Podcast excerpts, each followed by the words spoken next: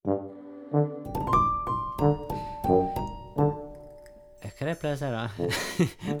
Hei, og velkommen til episode ni av podkasten Bok og bibliotek. Jeg heter Arne Olav Hageberg og er redaktør for Blad og Pod. Og i dag har jeg fått besøk av Stian Omland. Hei, Stian. Hei, Arne Olav. Hei. Du, vi er jo her sammen fordi det er sammen-episode igjen. Endelig. Ja, forfatteren og favoritten. Hvem er du har snakket med denne gangen? Jeg har snakket med Erik Eikehaug. Ja, hva vil du si om han? At han er en medrivende, fenomenal forfatter som ikke har så veldig stor produksjon ennå, men det håper jeg han får. Han skrev Han debuterte for noen år siden med en bok som heter James Franco spytter når han snakker. Ja, noe skal jo bøker hete. Ikke sant? En, jeg syns den tittelen er innmari kul. Det handler om en, det å prøve å finne seg sjæl.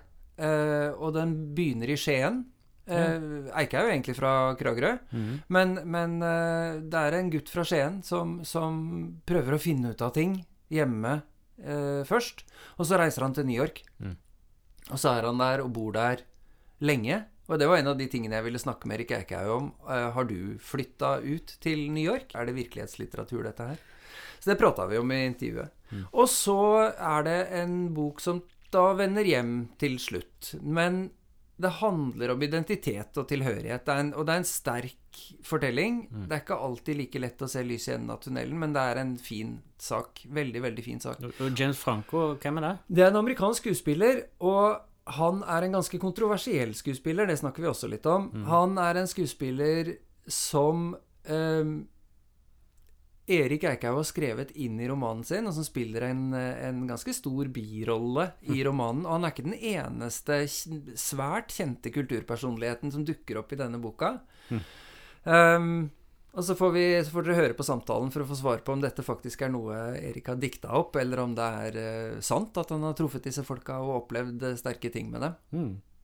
Og så eh, har han en roman til som er veldig fersk. Den er veldig fersk. Den er fra i år. Den heter 'Skatten og tyven', og er en helt annen type bok. Eh, den handler på sett og vis også om å finne seg sjæl, men på helt helt andre måter og med helt andre forutsetninger. Den første handler om det å prøve å bli forfatter. Denne andre boka handler om en far som er forfatter, og som, og som har skrevet en, en superkjent barnebokserie om Skatten og tyven, som er oppkalt etter eh, Eriks, eller ikke i dette tilfellet, da, hovedpersonens eh, bror og hovedpersonen, altså to brødre, som, eh, som eh, spiller på en måte hovedrollen i disse barnebøkene, og som er sånne superhits, altså sånne på Moomin-merch-nivå. Dødssvært. Eh, og så skal disse gutta leve med det og prøve å finne seg sjæl midt oppi en sånn parallell virkelighet. Det er kjempespennende og gøy. Og så blir man glad av den boka. Kjempeglad. Det er Du kan sånn, lese den først første først, og så den andre etterpå. Så ja, blir det perfekt. hvis du virkelig vil ha den Får du innsikt og glede. Nemlig. Ja. Og så har han ei tredjebok. Ja, fordi at han har vært med på et prosjekt og på på en måte ført i pennen en eh, bok som heter Bare Viktor. Som handler om uh, livet til Viktor Sotberg. Eh, Ja, ja, ja. NRK Superpersonlighet og YouTuber og eh, Ja. etter hvert dansekjendis og mange ting. Mm. Og, og, og han som hjelper Selda på eh, Nettopp. Alle mot én. Nettopp. Han er i det hele tatt en, en superpositiv og fin fyr Mm. som forteller sterkt om sin egen oppvekst. Og den boka er det da er eh, Erik Eikhaug medforfatter på. Nettopp. Og han har jo fingrene inne i forskjellige produksjoner på TV og sånt òg. Mm. Ja, ja. Yes. Eh, hvordan var det å snakke med han, da? Og han er en innmari behagelig og fin samtalepartner. Han har en innmari fin stemme, så Mm. han er veldig sånn nedpå. Det, var, det var både hyggelig og morsomt. Ja. Han er en innmari gøyal fyr. Ja, det syns jeg, jeg var jo der i, og hørte på, for dette var jo live. Jeg, så jeg satt i holdt på å si i salen, men det var ikke en sal, det var et telt. Det var et sirkustelt. Sirkustelt, Ja. Under Appelsinia litteraturfestival. Ja.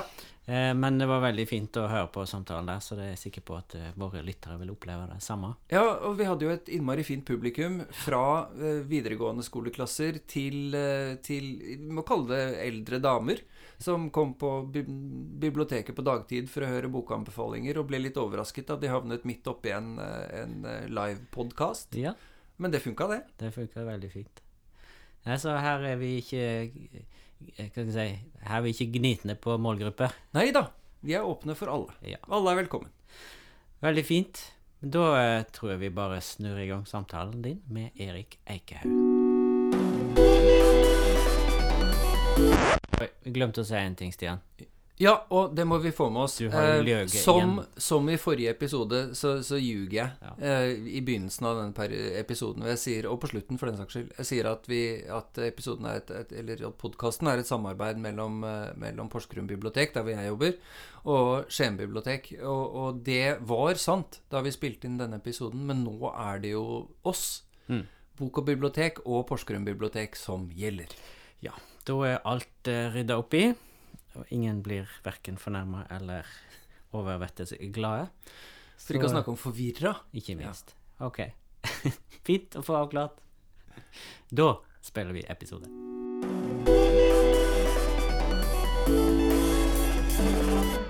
så kollapset jeg på gulvet. Og, altså, det var for mye. Og begynte å grine. Sånn. Jeg- tenkte mye på det etterpå, at det var kanskje litt eh, mye. Men jeg var så lykkelig, og det jeg tror fremdeles det er det lykkeligste øyeblikket i hele livet mitt.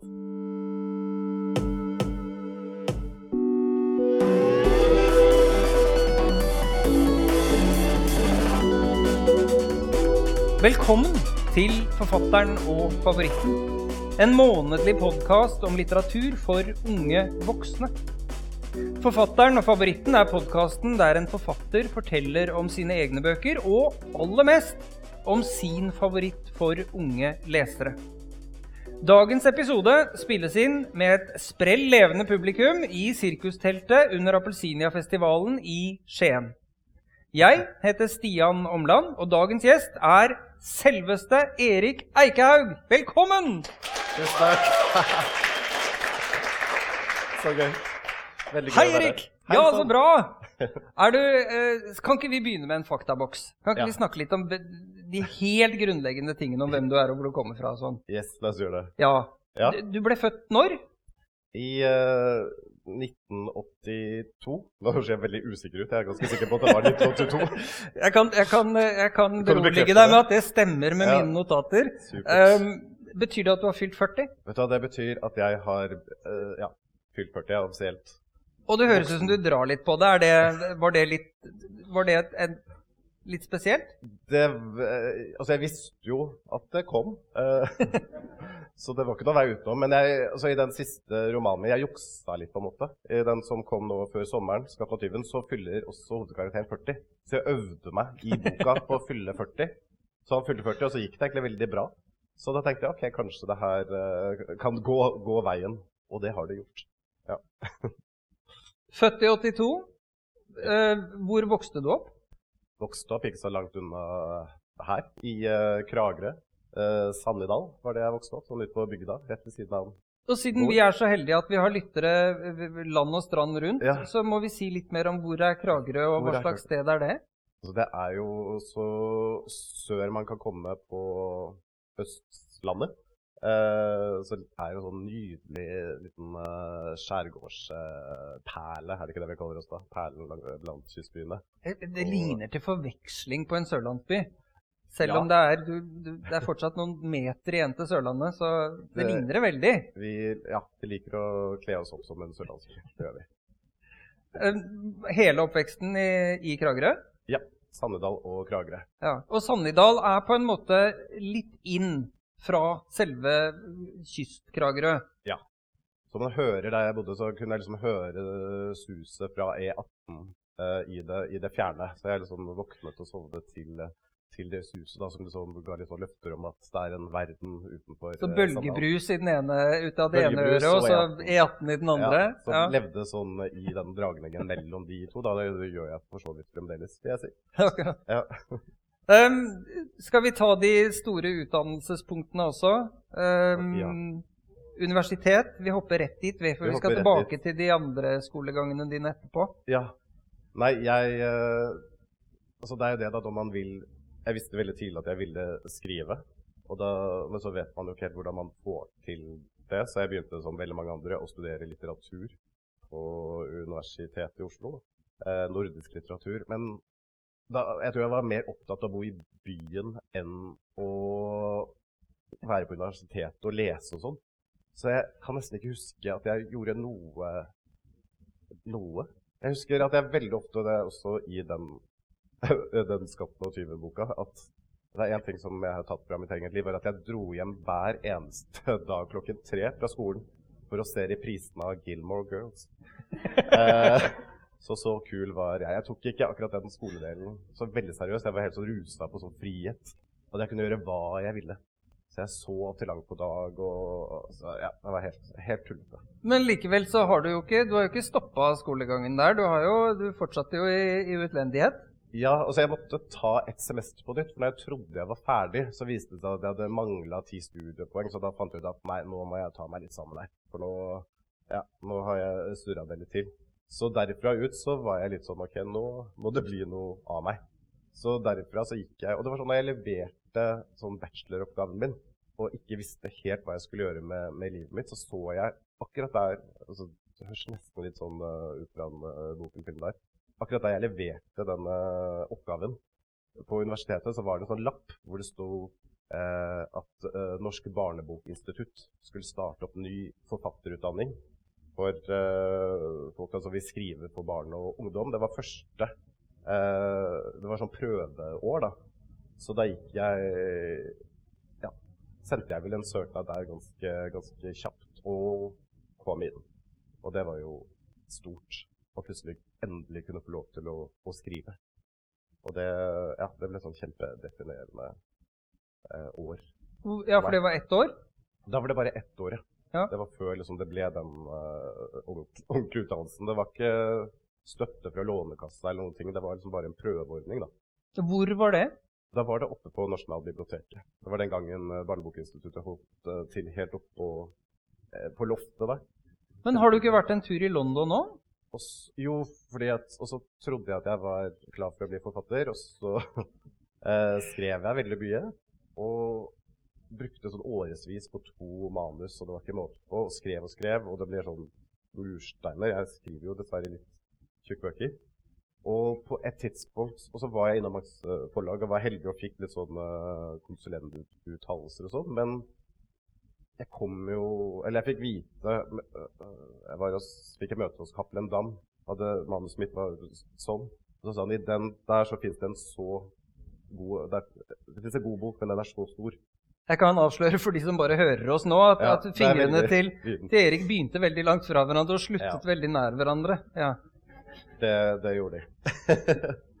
og eh, Så da fant jeg ut at det her Jeg får ikke det her helt til. Jeg trenger liksom noe mer Jeg trenger noe hjelp, rett og slett. Så da Og så, øh, og så var jeg litt sånn lei Oslo og, og det, Så jeg tenkte jeg kom meg bort litt fra språket også. Så jeg søkte meg inn på en sånn masterutdanning i uh, creative writing i, i London. Og hadde Nå skal jeg name-droppe litt. Det er alltid sånn litt flaut av meg å gjøre. Men da Nei, hadde jeg faktisk igjen, faktisk kom eh, Så er det aldri noen som vet hvem vedkommende er, så det er også litt flaut å name-droppe noe som folk er bare sånn Hæ? Men da hadde jeg hun som heter Rachel Cusk, Uh, som er blitt en veldig anerkjent forfatter egentlig siden den gang. Hun har fått et sånn stort gjennombrudd eh, siden den gang, men hun var min eh, mentor. Så jeg var ofte hjemme hos henne og fikk tilbakemeldinger, og hun var en veldig skummel og streng eh, dame. Og jeg hjalp henne på et tidspunkt å flytte. Jeg bare fant, fant meg egentlig i alt som hun eh, ba, meg, ba meg gjøre. Men jeg hadde også veldig sånn pinlig Når jeg snakker engelsk, så blander jeg alltid eh, read og write av en eller annen grunn. Så når jeg møtte henne, så var jeg liksom OK, nå må du begynne med et kompliment. Så da sa jeg at I have uh, written all your books, and, and they are really good.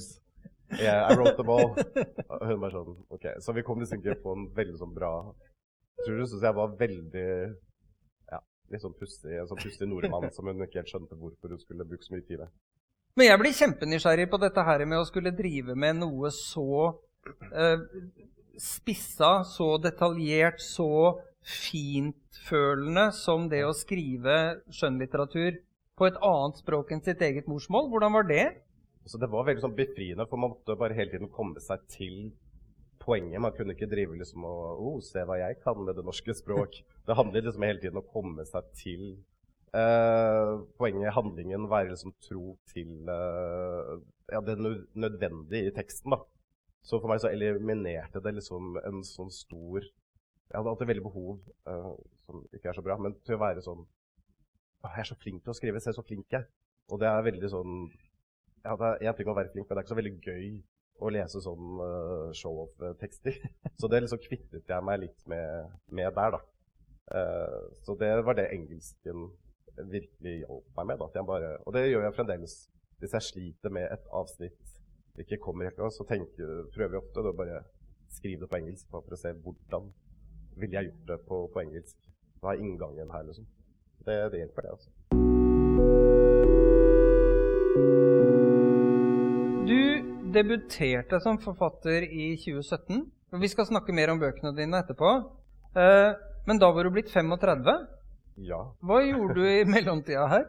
Uff, så mye trist, holdt jeg på å si. Nei, jeg Altså, jeg jobbet eh, lenge, og det har jeg gjort inntil nylig også, litt sånn i rykk og napp. Jeg jobbet mye som sufflør for både Nationaltheatret Og si kort hva en sufflør gjør for noe. Sufflør. Jeg er da han eh, lille fyr Jeg er ikke så lite nødvendigvis, da, men han som sitter gjerne i en sånn boks eller på siden av i salen med manuset og roper ut replikker hver gang skuespillerne skulle eh, glemme det.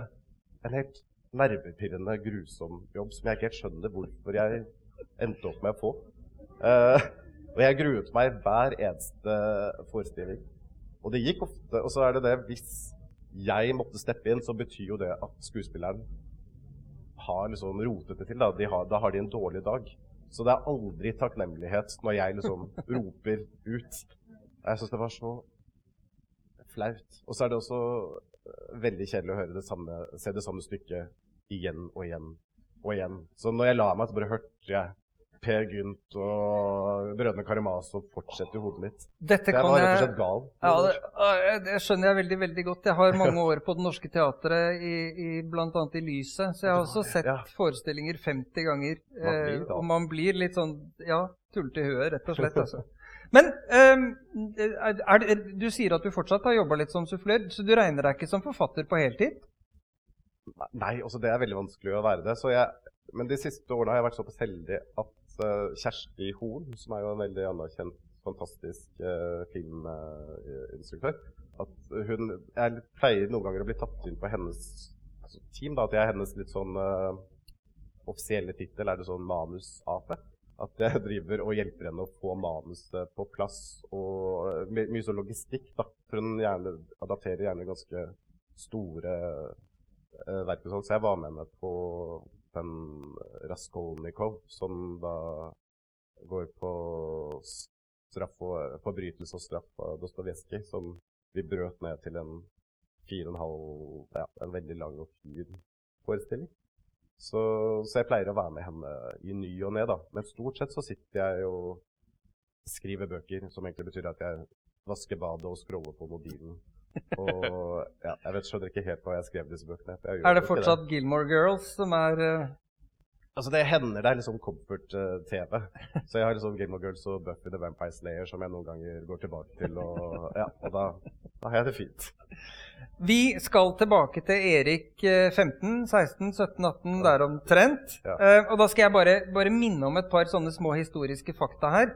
Eh, Harry Potter, den første Harry Potter-boka, Ja. kommer ut i det strekket der sånn. Lady Diana dør. Hotell Cæsar begynner. Eh, Britney Spears debuterer. Og 11. september-angrepet finner sted. Hva husker du best? Hvis Jeg- du skal ta de store begivenhetene først. Ja, altså Jeg husker veldig godt at jeg satt og leste uh, Frøken Detektiv Nancy Drew når jeg fikk vite at uh, Diana døde. Så da var jeg midt inne i noe sånn mysterium med de vridde lys eller noe sånt. noe. Så det er sånn jeg forbinder det veldig sammen. Jeg hadde en sånn sommer hvor jeg bare leste Nancy Drew. da. Og jeg gikk gjennom hele samlingen til, til mamma og leste absolutt alt. Og det, altså De to er veldig sånn nær forbundet. At det er uh, Diana og, og Nancy Drew. Uh, ellers, så, så det er jo sånne år hvor man er i veldig sånn boble. da. Så det, det er ikke så mye av sånn Jeg tror ikke jeg så så mye på nyheter. Det var liksom popkulturen og Britney og sånt. Det, det var jeg mer opptatt av. Du er ikke den første forfatteren i Forfatteren og favoritten som sier det. Det er, eh, og det tror jeg er ganske typisk. Ja. Eh, Skal jeg tenke tilbake på min egen situasjon omtrent i de åra, så var ikke jeg så fryktelig opptatt av verden utafor heller. Nei. Det er noe med det, altså.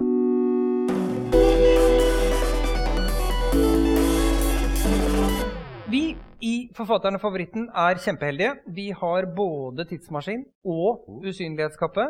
Så la oss nå forestille oss at vi, vi tar i bruk begge to Ja. samtidig. Eh, og så reiser vi tilbake til en gang du var mellom 15 og 20. Vi drar til en skole som du gikk på. Du kan selv få lov å velge om dette er en ungdomsskole eller en videregående skole, for her er det jo plass til begge. Ja. Og så er det storefri, og så finner vi deg. Ja. Hva får vi se? Altså, jeg tror jeg, Hvor er du? ja, Hva får vi se? jeg? Jeg tror jeg dropper Jeg orker ikke tilbake til ungdomsskolen. Så det er bare å hoppe over. Jeg tror jeg går rett til videregående. Og det, jeg var alltid i klasserommet, for jeg var sånn uh, livredd uh, russen. Og jeg hadde gruet meg siden jeg begynte på ungdomsskolen til å bli førsteklassen på videregående. Fordi jeg trodde at russen tok livet av folk. Altså, jeg trodde at det her er ikke tull. Det var jo sånn terrorlister, og det var så mye historier. Så jeg var sånn Jeg kommer jo til å, å dø. Uh, så jeg hele første klasse så var jeg bare usynlig. Jeg var i klasserommet og snek meg rundt om i Kragerø. Og det handlet liksom om å bare ikke bli sett, da. Uh, og så sparte jeg alle sånn fraværsdagene til russetida. For da skulle være Da skulle jeg være hjemme igjen. Da skulle jeg late som jeg hadde en eller annen veldig alvorlig sykdom. Uh, så jeg husker det. Og så begynte russetiden, og så var det jo ingen som visste hvem Jo, det eneste de visste om meg, var at jeg hadde dårlig kne. For det hadde folk fått med seg. For jeg drev og vrei kneskåla ut av ledd ny og ne. Eh, Helligåndskortet. Så de var veldig sånn Vær forsiktig med Erik. Ikke kast vann på han, for han har veldig dårlig kne. Og da var jeg sånn Ja, det stemmer, jeg har dårlig kne. Så da slapp jeg liksom helt unna, da. Så jeg tror det jeg husker best, er at jeg traumatiserte meg selv med liksom forventninger og hvor galt det kunne gå. Og så ble jeg nesten litt skuffa når det ikke gikk så galt. Jeg hadde brukt så mye energi på å grue meg. Så jeg ble sånn "Hæ? Kom igjen, da. Så ja. I denne skolegården, eller, eller hvor du nå befinner deg, er Ja. du aleine? Har du gjemt deg helt bort, eller er du, har du gjemt deg sammen med noen? Jeg hadde mye Det er sånn typisk sånne skeive ja, gutter. Man har, jeg hadde veldig mye venninner. Det var sånn eh, Ja, hadde masse, masse venninner. Og det var en veldig fin klasse. Hadde det veldig trygt der og sånn. Men, eh, men jeg var også sånn som Jeg tror jeg levde mer sånn i popkulturen enn jeg gjorde nesten i liksom, den virkelige verden og sånn. Så jeg brukte liksom all tid på å høre på musikk og se film. Og jeg hadde veldig Altså, jeg syns jo musikksmaken min var kjempegod. Men det var Altså, jeg var helt sånn Jeg var ikke sånn som bare likte noe, jeg var sånn helt besatt. Og jeg var ikke sånn kul mange forfattere som sier at de drev og hørte på Bob Dylan og sånn når de var kids. Jeg hørte bare på sånn Aqua og Venga Boys. Og, og så den store favoritten min var sånn Blümchen, som var en sånn tysk happy hardcore eh, som jeg var så besatt av at hver Altså, jeg bestilte CD-ene eh, på Strandberg i Kragerø. Og så tok det ukevis dette er i gamle dager, så det tok jo ukevis før de kom inn i sjappa. Og jeg gikk til skolen hver, eller til byen hver eneste dag for å høre om CD-en hadde kommet. Og på veien så var jeg bare sånn Tenk hvis den kommer. Nei, den har ikke kommet. Jeg gikk bare gjennom alle mulige følelser. Og så visste jeg det med en gang jeg kom inn. Når jeg så liksom ansiktet til han som jobbet der, som var sånn ristet på hodet, så var jeg veldig skuffet. Men den dagen CD-en faktisk var der, han smilte til meg, så kollapset jeg på gulvet. Og, altså, det var for mye. Og begynte å grine. Sånn. Jeg, tenkte mye på det etterpå. Det var kanskje litt uh, mye. Men jeg var så lykkelig. Og det, jeg tror fremdeles det er det lykkeligste øyeblikket i hele livet mitt. Den euforiske følelsen. Og så gikk jeg hjem og hørte på CD-en, og så var det sånn Å ja, det var bare en musikk så var det Ja, det var liksom ikke mer enn det, nei. Men det var de forventningene som var Ja, nei, det var eh, Å elske noe så mye. Det var veldig Det høres ut som du har vært veldig god til å, å bygge deg opp på forhånd til ting. Alltid. Enten om det er kjempeskummelt Ja. eller bare helt fantastisk. Det er der jeg lever livet, liksom. I det som leder opp. Og så skjer det, og så er jeg bare helt likegyldig nesten etterpå. Det lukter så godt når lunta brenner. Ja, Det er det, den Lupa. Ja. biten som Ja, ikke sant? Kommer det så er det alltid imploderer det bare. Ikke sant? Ja. Um, er det plass til noe kjæreste i dette bildet her?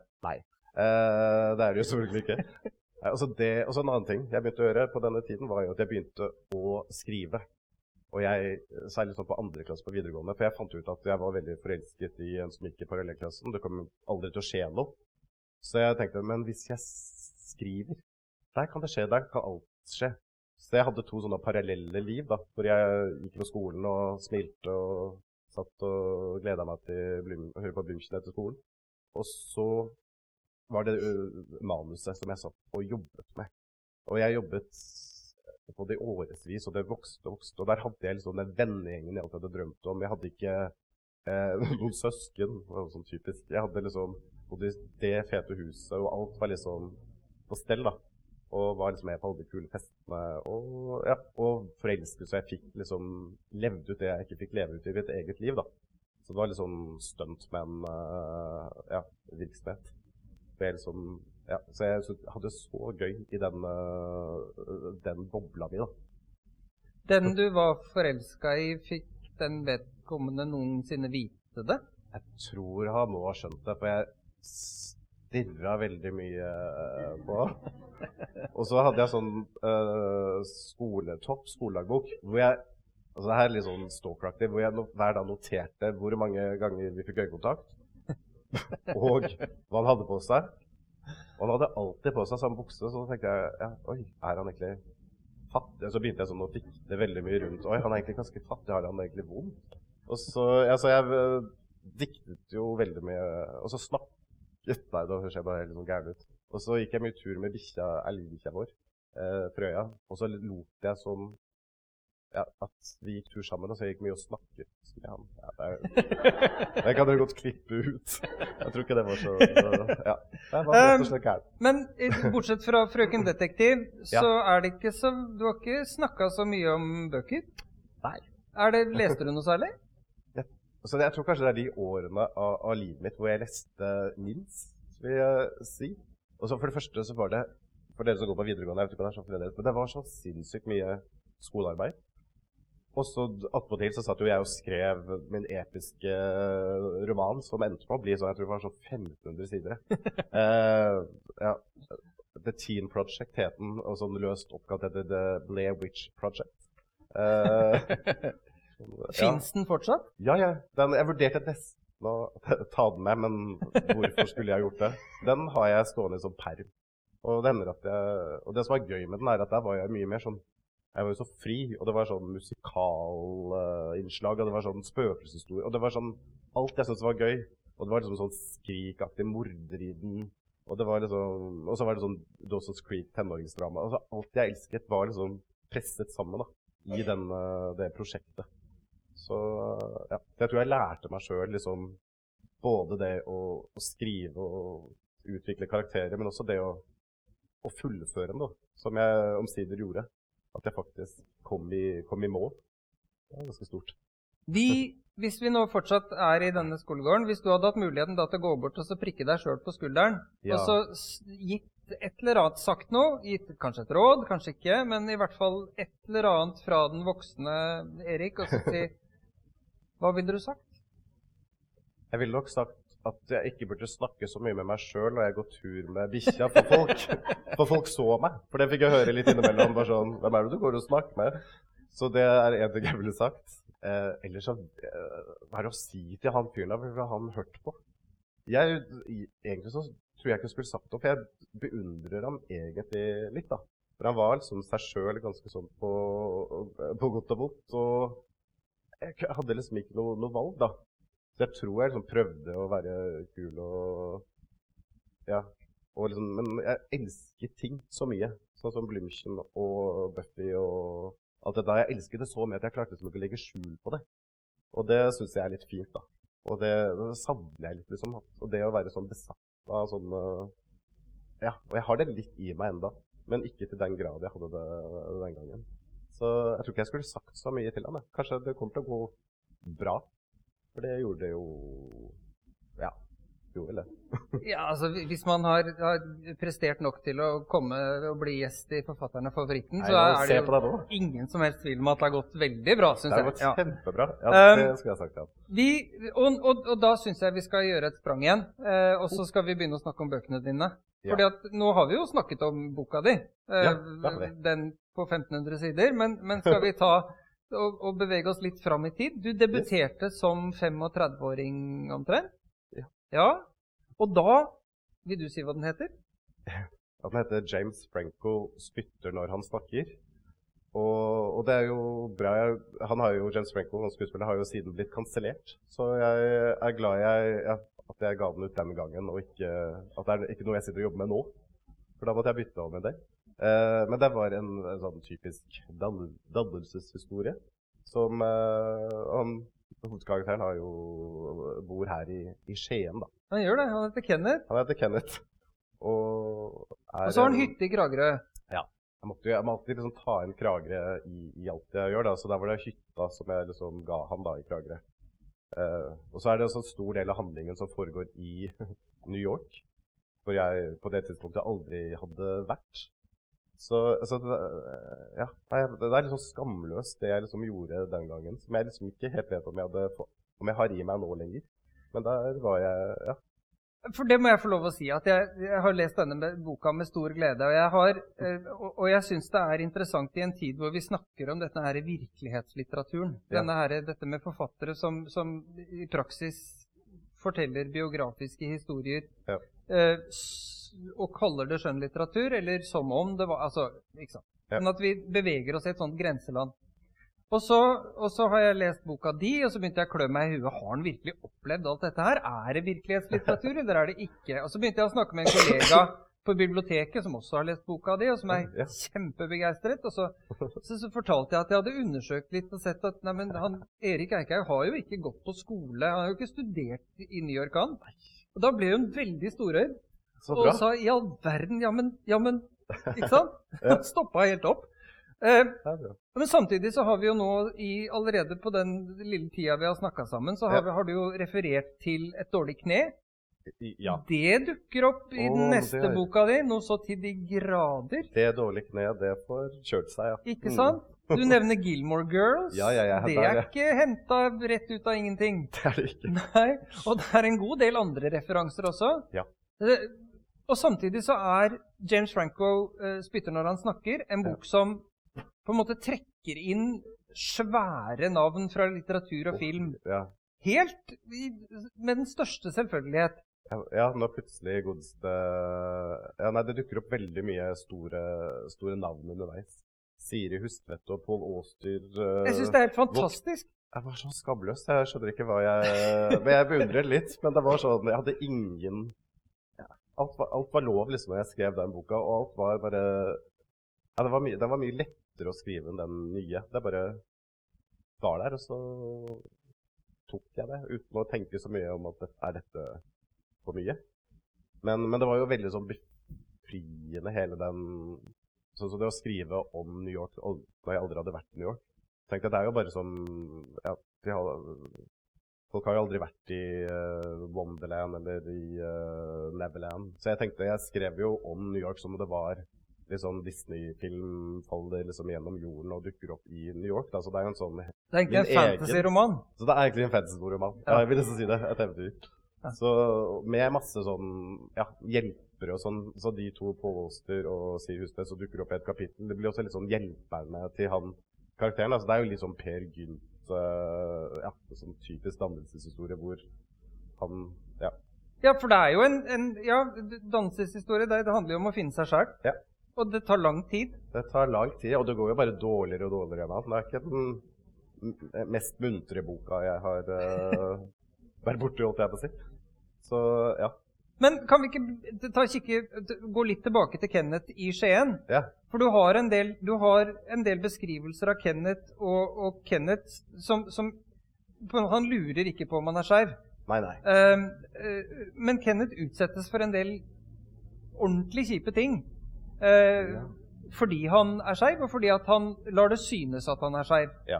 Eh, var dette historier du følte at det var viktig å fortelle? Var dette ting du hadde opplevd sjøl? Hvor kommer det fra? Ja, det er nok litt det jeg prøvde å si der. Så var det jo det at det å være skeiv er Altså, det var ikke noe sånn vanskelig overfor en selv. Han er jo ikke noe opptatt av det selv. Det er bare sånn det er. Det er liksom alle rundt han som er på godt og vondt. da. Veldig, veldig opptatt av det. Han har jo blant annet også en tante som er sånn veldig ute etter at hun vil liksom at han skal komme ut av skapet til henne. da. Hun vil liksom eie det. Og er liksom sånn, Fortelle liksom om ja, at, det, at det kommer til å gå bra, og du er fantastisk som du er. og Bare ikke bare del med meg og ikke bli Hvis du lukker inne, så kanskje du ender opp med å henge deg sånn som min kamerat som henger Altså hun er jo på en måte Eller driver med det som jeg kaller sånn eh, aktiv aksept. Som er sånn eh, Som er at hun er så ute etter å akseptere det at du nesten føler at du Ja. Man blir jo ikke akseptert. Man føler seg jo egentlig det motsatte. Når man blir liksom så utrolig tvunget ut, da. Uh, så, så, det var nok viktig for meg at det å være skeiv er noe som gjerne folka rundt deg er mye mer opptatt av enn det du selv er. Uh, for jeg aldri altså det har jo, som dere skjønner, har jeg større problemer enn at jeg er skeiv. Så det er liksom bare sånn, det er jeg jo bare. Det er jo masse annet jeg driver og bekymrer over som ikke ja, som, jeg, som er verre, da. Så det er jo det han har Som er litt av poenget i den boken, er at å være skeiv er jo hans minste problem. Uh, og det, ja syns jeg var gøy å, å, skrive om. Så er det jo en, en, linje i den boka som For det er en relativt tjukk roman. Ja. Uh, og, og, og, og det, er, altså det, er, en lang historie, og det er mange år. men han lander her igjen. Ja. Det er en slags vei hjem. Man ender jo alltid opp med å Ja, der man begynte. Så, så, han kommer hjemme på slutten, og så den fjerde delen er jo ganske nydelig. Han har lagt på seg og fått skjegg og er veldig forstoppa, som er en veldig sånn ja, ja, Som sier mye om hvordan han har det. Han har jo på en måte ikke fått til det. sånn Tredjedelen der er det sånn alt er gull og grønne skoger, og verden liksom ligger vi åpen foran. Og så går det ikke så, så, bra. Men jeg tror hele poenget mitt med denne boken av Ferdinand var at jeg ville at til slutt Det hadde vært altfor enkelt at den skulle ende med at han ble sånn uh, Fikk utgitt bok, at han ble sånn uh, fikk tommel opp fra et forlag. Jeg ville liksom at han, Min lykkelige slutt for ham var jo at han skulle liksom satse på seg sjøl en uh, siste gang. For det var litt det jeg satt og gjorde sjøl. Når jeg skrev den romanen, så satt jeg jo liksom at det her er og så Nok en gang hvor jeg skaper veldig forventninger og setter ting veldig sånn på spissen. Og jeg forstår, det her er min siste sjanse. Hvis det her ikke går, så da må jeg finne ut av hva jeg skal gjøre med livet mitt. Da må jeg gjøre noe annet. Så ja. Så, så, det var en litt sånn parallell ferd for, for meg og, og, Kenneth. da. Men jeg var jo mye slemmere mot, mot, Kenneth. Og det skal man jo være mot hovedkarakteren sin. Man skal jo være så slem man bare kan. Ja, Syns du at du er slem mot Vetle? Men Vetle er så slem mot seg selv, så han gjør liksom den jobben, uh, jobben for meg. Vetle er hovedpersonen i 'Skatten og tyven', som er ja. den flunkende nye romanen din. Ja. Roman nummer to. Og som er en helt annen historie. Ah, så bra du syns det. Ja. ja, altså Ja. Det er jo en helt annen klang, en helt annen tone. En av de som, en av de ordene som dukker opp veldig ofte når folk snakker om eller skriver om, om 'Skatten og tyven', ja. er ordet 'feel good'. Ja, um, og det første jeg gjorde da jeg forberedte meg til denne praten vår, var å prøve å finne en definisjon på 'feel good'. Og det er nesten umulig. For alle definisjonene på 'feel good' er 'things that make you feel good' som jeg ikke egentlig kan bruke til noe, men, men, den gjør jo det. Og den ja. er jo der hvor, der hvor, du på en måte lar Kenneth i, i James Franco uh, Det er en lang reise uten at han virkelig kommer noe vei. Og det er jo en fenomenal reise å være med på, men det er likevel en Man kan bli litt sånn ærlig talt, Kenneth. Kom igjen, da. Um, mens Vetle, så, så, er det jo på en måte Det er noe annet. Det er en tone, det er en klang. Og jeg, jeg, jeg har vakla veldig Nå prater jeg mye, men jeg er, den er veldig fersk for meg, den boka. Jeg, er veldig, jeg syns det var fint. Og så er jeg der hvor jeg, jeg, har så lyst til å spoile på en måte omtrent siste linja i boka. For den sier så mye om hva slags historie du legger opp til å fortelle ja, jeg fikk jo på en måte hele min sånn uh, motto for boka er jo på en måte den siste setningen. Uh, så det, jeg tror ikke man spoiler så mye Nei, ved å si den. For jeg har vært veldig åpen om at den skulle ende godt, da. Uh, men jeg husker ikke helt hva, hva den siste setningen er. Nei, det handler jo om å fortjene en lykkelig slutt. Ja, det var det. Det handler om å fortjene å ha det fint. Ja. Og så er det ganske mye som skjer underveis som gjør at Vetle og Fartein, Ja. som altså er Dette er jo boka 'Skatten og tyven'. Og Vetle er skatten, og Fartein er tyven. Og faren deres har i mange mange, mange år skrevet en superkjent barnebokserie om Ja. Skatten og tyven. Som ikke er Vetle og Fartein, men som likevel identifiseres med disse to skikkelsene i denne barnebokserien. Nemlig. Ja, De lever liksom hele voksenlivet litt i skyggen av sånne fiktive barnekarakterer av seg selv. da. Det, også til den grad at eh, eh, Vetle lever jo bokstavelig talt av de bøkene. For han får liksom royalties, og dette er sånne bøker som selger og selger. og Det er kopper, og det er liksom Mummitroll, Astrid Lindgren-type suksess. da. Så, så han har på en måte ikke klart å bli et voksent menneske fordi at han øh, sitter så fast i den barndomsfremstillingen av seg selv. da. På, ja. Så han gjør nesten Han har skrevet en bok som ble slaktet for ti år siden, og så Ja. Hva han gjør, jeg vet ikke. Han har veldig lyst til å ha øh, Ja. Han er veldig kontakt, selv en sånn kjærlighetssøkende. Sånn uhemmet øh, øh, Ja. Han vil bare være sammen med noen. Og mitt motto for ham når jeg skrev han, var at Vetle finner seg i alt. Og han finner seg jo altfor mye da, underveis i boka, liksom bare for å få uh, den kjærligheten som han er så desperat etter. Men han fortjener å ha det fint. Han fortjener en lykkelig slutt. Ja. Det Ja. I en perfekt verden så hadde vi brukt et kvarter til på Skatten og tyven. Men uh, riktig så godt stilt er det ikke i tilværelsen. Så nå skal vi rase videre. Ja. Og nå er vi kommet fram til selve pallen.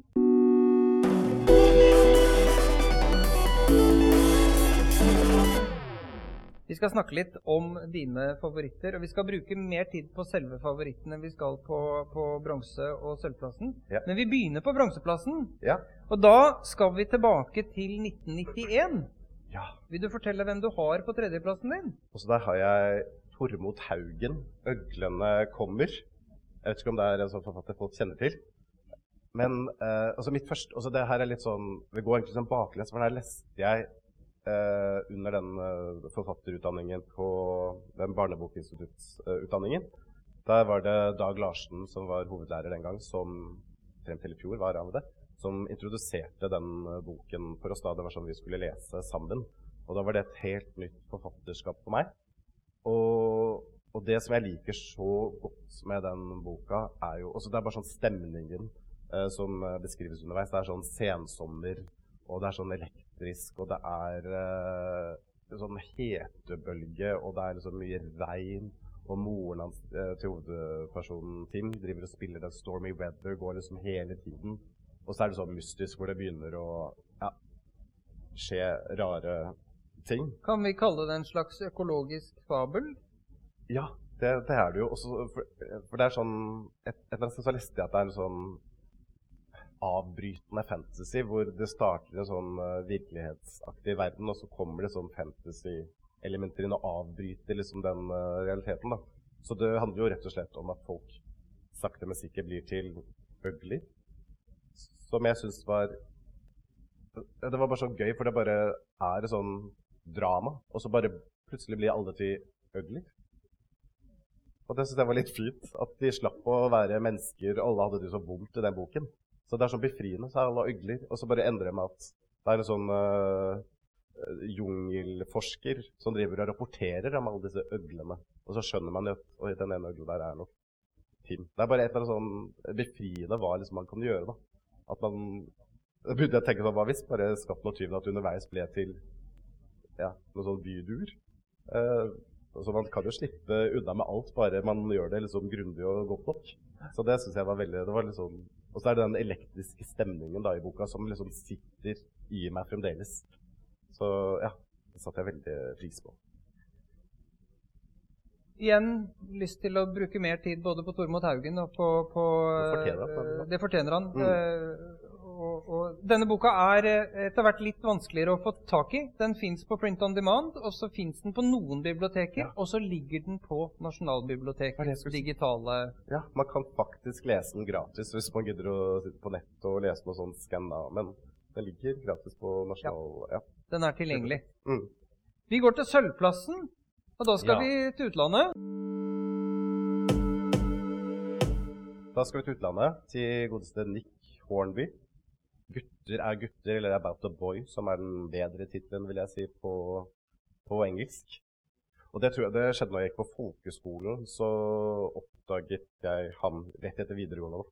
Og det var, sånn, det var bare sånn periode hvor alle var så ute etter å ha sin egen eh, Alle leste Harry Potter. Jeg begynte å lese Harry Potter. Det var liksom da fjerde boka kom ut. Så det var Alle gjorde det, men så var det liksom om å finne sin egen forfatter. Og da hadde vi en sånn uh, klasse som het sånn utenlandsk litteratur. For det var liksom en som hadde Terry Pratchett, en som hadde Neil Gaiman, og en som hadde Sadie Smith. Og så var jeg sånn Å nei, jeg har ikke Jeg må også finne noen. Og da, da var det Nick Hornby, da. Som ble liksom min. Så, så Var det denne veldig- boka som var uh, inngangsporten? Nei, jeg hadde allerede da lest Nei, lest nå bare jeg egentlig. Jeg hadde jo sett uh, filmen High Fidelity, som er basert på en bok av Nick Hornbus, som kom ut li- like før. Og som nå er kommet i en nyinnspilling ja, som TV-film? Ja. Nei, TV-serie? Ja, så den er tydeligvis en eh, Ja, sånn som er evig i liv, da. Og den er, fortjener den. Uh, men uh, Nei, så det var altså, så det er litt sånn Den betydde den mye for meg fordi at Jeg tror det var fordi at den var sånn min, da. Eh, og, og så var det jo også det han var også veldig opptatt av popkultur, og det var liksom mye humor blandet med liksom tunge temaer, og det er jo både ensomhet og eh, Eh, ja, sånn, moren til han eh, hovedkarakteren er jo også Marcus er jo også veldig deprimert, Fiona.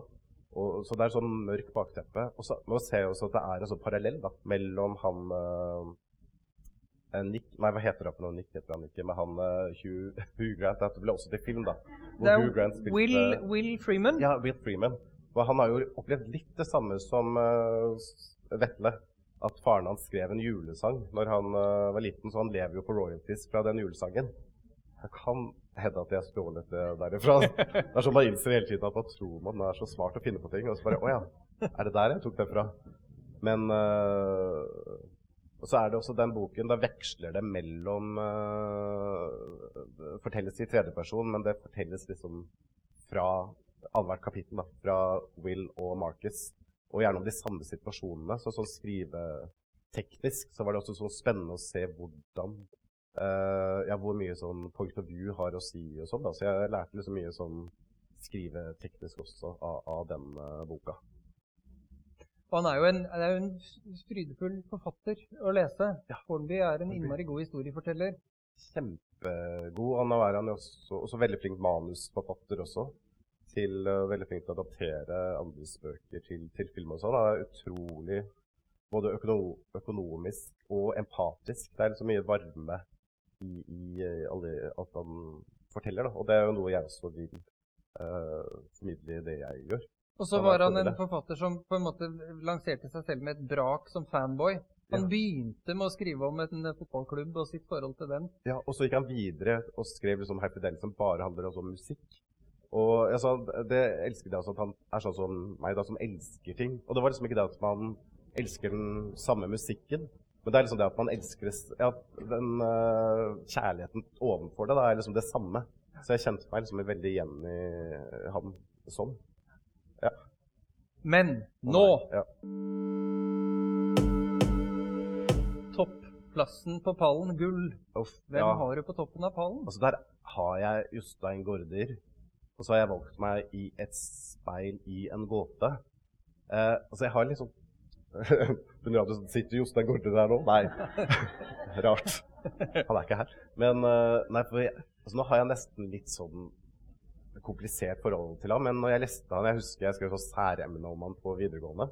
Og hadde allerede da lest eh, Kabalmysteriet og Julemysteriet og Sofies verden og livet igjen. I Sofies verden så leste jeg bare de, den rammehistorien om Sofie. Jeg hoppet over alle de filosofidelene. For det minnet veldig mye om skolearbeid, og det hadde jeg nok av. Så jeg syns bare den rammefortellingen var liksom det mest, mest spennende. Men der, var, altså der, sant, der, tar han jo for seg I julemysteriet så er det sånn kirkens historie, eller sånn kulturhistorie til kirken, og så er det kabalmysteriet er sånn myter og sånn, og så er det selvfølgelig filosofi i Sofies verden, og det er veldig sånn tjukke, kompliserte bøker med en veldig sånn intrikat oppbygning. Og så kom denne i speil og gåte, som er liksom veldig enkel da, i, i forhold. Eller sånn veldig sånn enkel setting. Som handler om Cecilie som ligger for døden. Hun ligger med kreft, men hun Han sier aldri at hun har kreft, Nei. og han sier ikke at hun skal dø. De snakker veldig lenge om at, at, hun, at hun skal nok bli bra igjen. mm. Og hun tror absolutt Hun ønsker seg ski til jul, og hun skal Ja, hun skal i hvert fall ikke dø. Det er litt sånn det som kanskje var, da, at man alle visste jo på forhånd, for det var en litt sånn snakkis og det var litt sånn Klarte du å lese den uten å grine, liksom? Eh, noe jeg definitivt ikke klarte å gjøre. Eh, men ja. Men det var liksom den enkle eh, settingen. Og eh, hvor hun, Cecilie, hvor man da etter hvert skjønner man jo at hun blir jo ikke bedre. Og det er veldig sånn ja, trist. Man håper jo med henne veldig lenge, helt til man skjønner at det håpet ikke ja, er så mye verdt. Eller. Det er mye verdt, men det er ikke så mye å håpe på her. Og så får hun også besøk da, av uh, Ariel, en engel som kommer inn. Og, og, det som vel er poenget med denne boken, er jo at, at uh, uh, Ariel vil vite om menneskene, hvordan det er å være menneske. Og så på en side så får jo man selv en veldig sånn fin, undrende eh, Eller sett det å være menneske utenfra, da. Med sånn undring og at det Herregud, så fantastisk det er. Som nok var det sånn når man er på den alderen. Og, for det er ganske heavy når man først begynner å bryne seg på Du er 15-16 år og begynner å bryne deg på sånn filosofiske spørsmål og hvorfor er vi her og sånn. Så er det ganske mye å ta inn seg, særlig når det også liksom kommer koblet sammen med at vi alle skal dø. Eh, ja. Så jeg husker at det var en sånn Ja, den satt skikkelig, skikkelig i, da.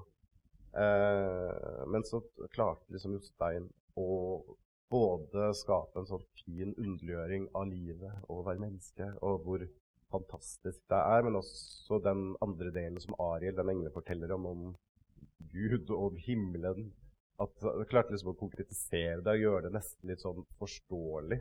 Uh, og ikke så mye å være redd for. Da. Så det er jo en veldig sånn trøstende uh, bok som gjorde veldig inntrykk. Og jeg og tenkte veldig mye på den. Og jeg var veldig sånn fascinert av ja, eller sånn døden og sånn. Jeg tenkte jo veldig mye på det. Det er litt sånn hadde en eh, bestemor som hadde dødd like før, som liksom hadde åpnet den, uh, ja, den fakta at herregud, alle rundt meg skal dø. Alle jeg kjenner, skal dø. Og det var på en måte en veldig sånn fin uh, trøst. da. Så det, så det, var nok derfor den ble, ble veldig viktig og sånn informativ da, i den uh, Hvor jeg liksom kunne gått ganske ja, ned i kjelleren. da. Som var veldig, det var veldig sånn tilgjengelig rom på den alderen. Kjelleren der gikk man støtt og stadig for veldig lite. Så, så akkurat Jostein liksom, ja, klarte liksom å gjøre den uh, frykten da, til noe litt sånn Fylle den med undring istedenfor. Jeg tror undring er et, et, veldig riktig og viktig ord i beskrivelsen av dette. fordi at du, du, du, nevner jo disse andre bøkene som han skrev i det samme strekket. Det er jo fire bøker her på rappen. Ja. Um, og, og, og, de tre andre er mye mer faktabaserte og mye mer mm. sånn historisk korrekte. og det er en, ikke sant? Dette skjedde, og så skjedde det, og det påvirket det, osv. Mm. Mens, mens i Et speil i en gåte i all hovedsak handler om to individer, mm. en engel og en jente, menneskejente, som, som lurer veldig på ting. Ja. Og som tillater seg å ikke nødvendigvis vite nesten noen ting, men, som, men som lurer på om det kanskje kan være sånn. Ja.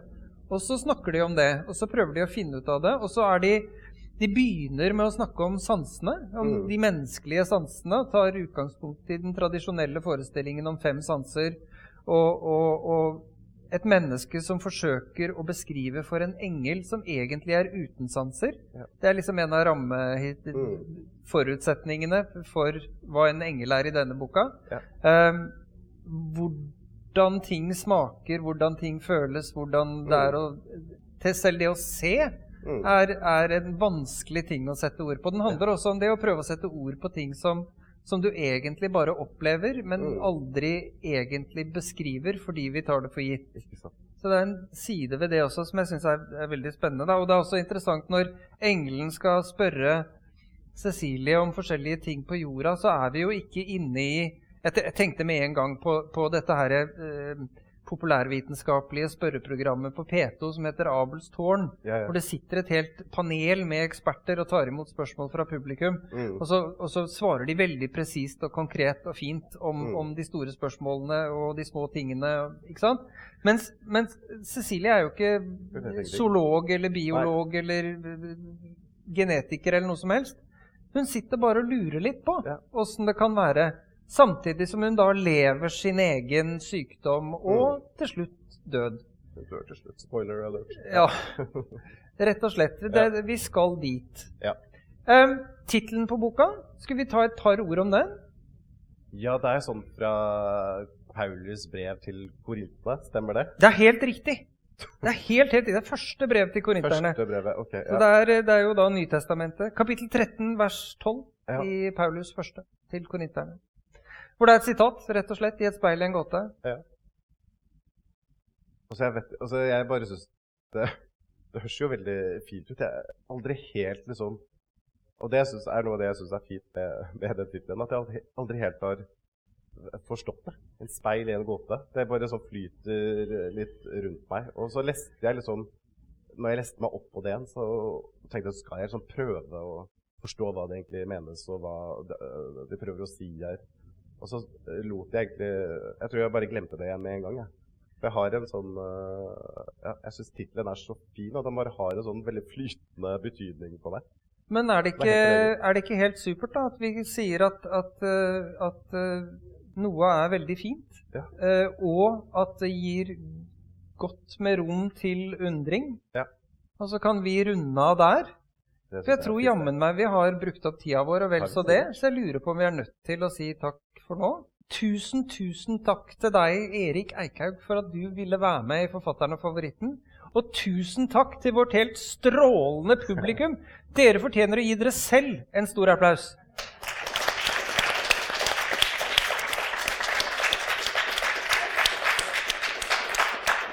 Forfatteren og favoritten er et samarbeid mellom bibliotekene i Skien og Porsgrunn. Dagens episode ble spilt inn med publikum i sirkusteltet under Appelsinia-festivalen i Skien. Tekniker har vært Øyvind Eriksen fra Klyve lydstudio. lydstudio. Markus Patai har redigert episoden. Cecilie Lysell er også med i redaksjonen. Musikken er laget av Halvor Nordahl Strand. Programleder har vært meg, Stian Omland. Takk for at du hørte på oss. Forfatteren og favoritten er tilbake før du vet ordet av det. Takk for nå, og les bøker du liker.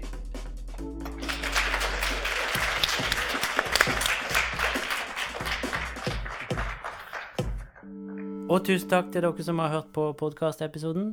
Vi er veldig glad for at dere er med oss. Ja, kan vi, der kan vi snakke bitte litt om.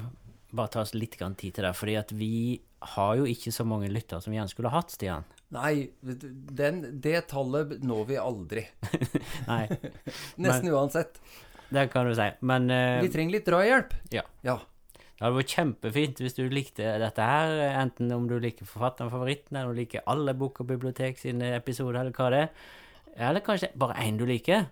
Så tar du og deler den. Da Ja. blir vi kjempeglade. Vi har masse bra innhold, og vi ønsker at flere skal få høre det. Vi tror at eh, litteratur er kjempeviktig, og at eh, disse som vi snakker med, er kloke, gode folk som er med å pushe verden i gode retninger.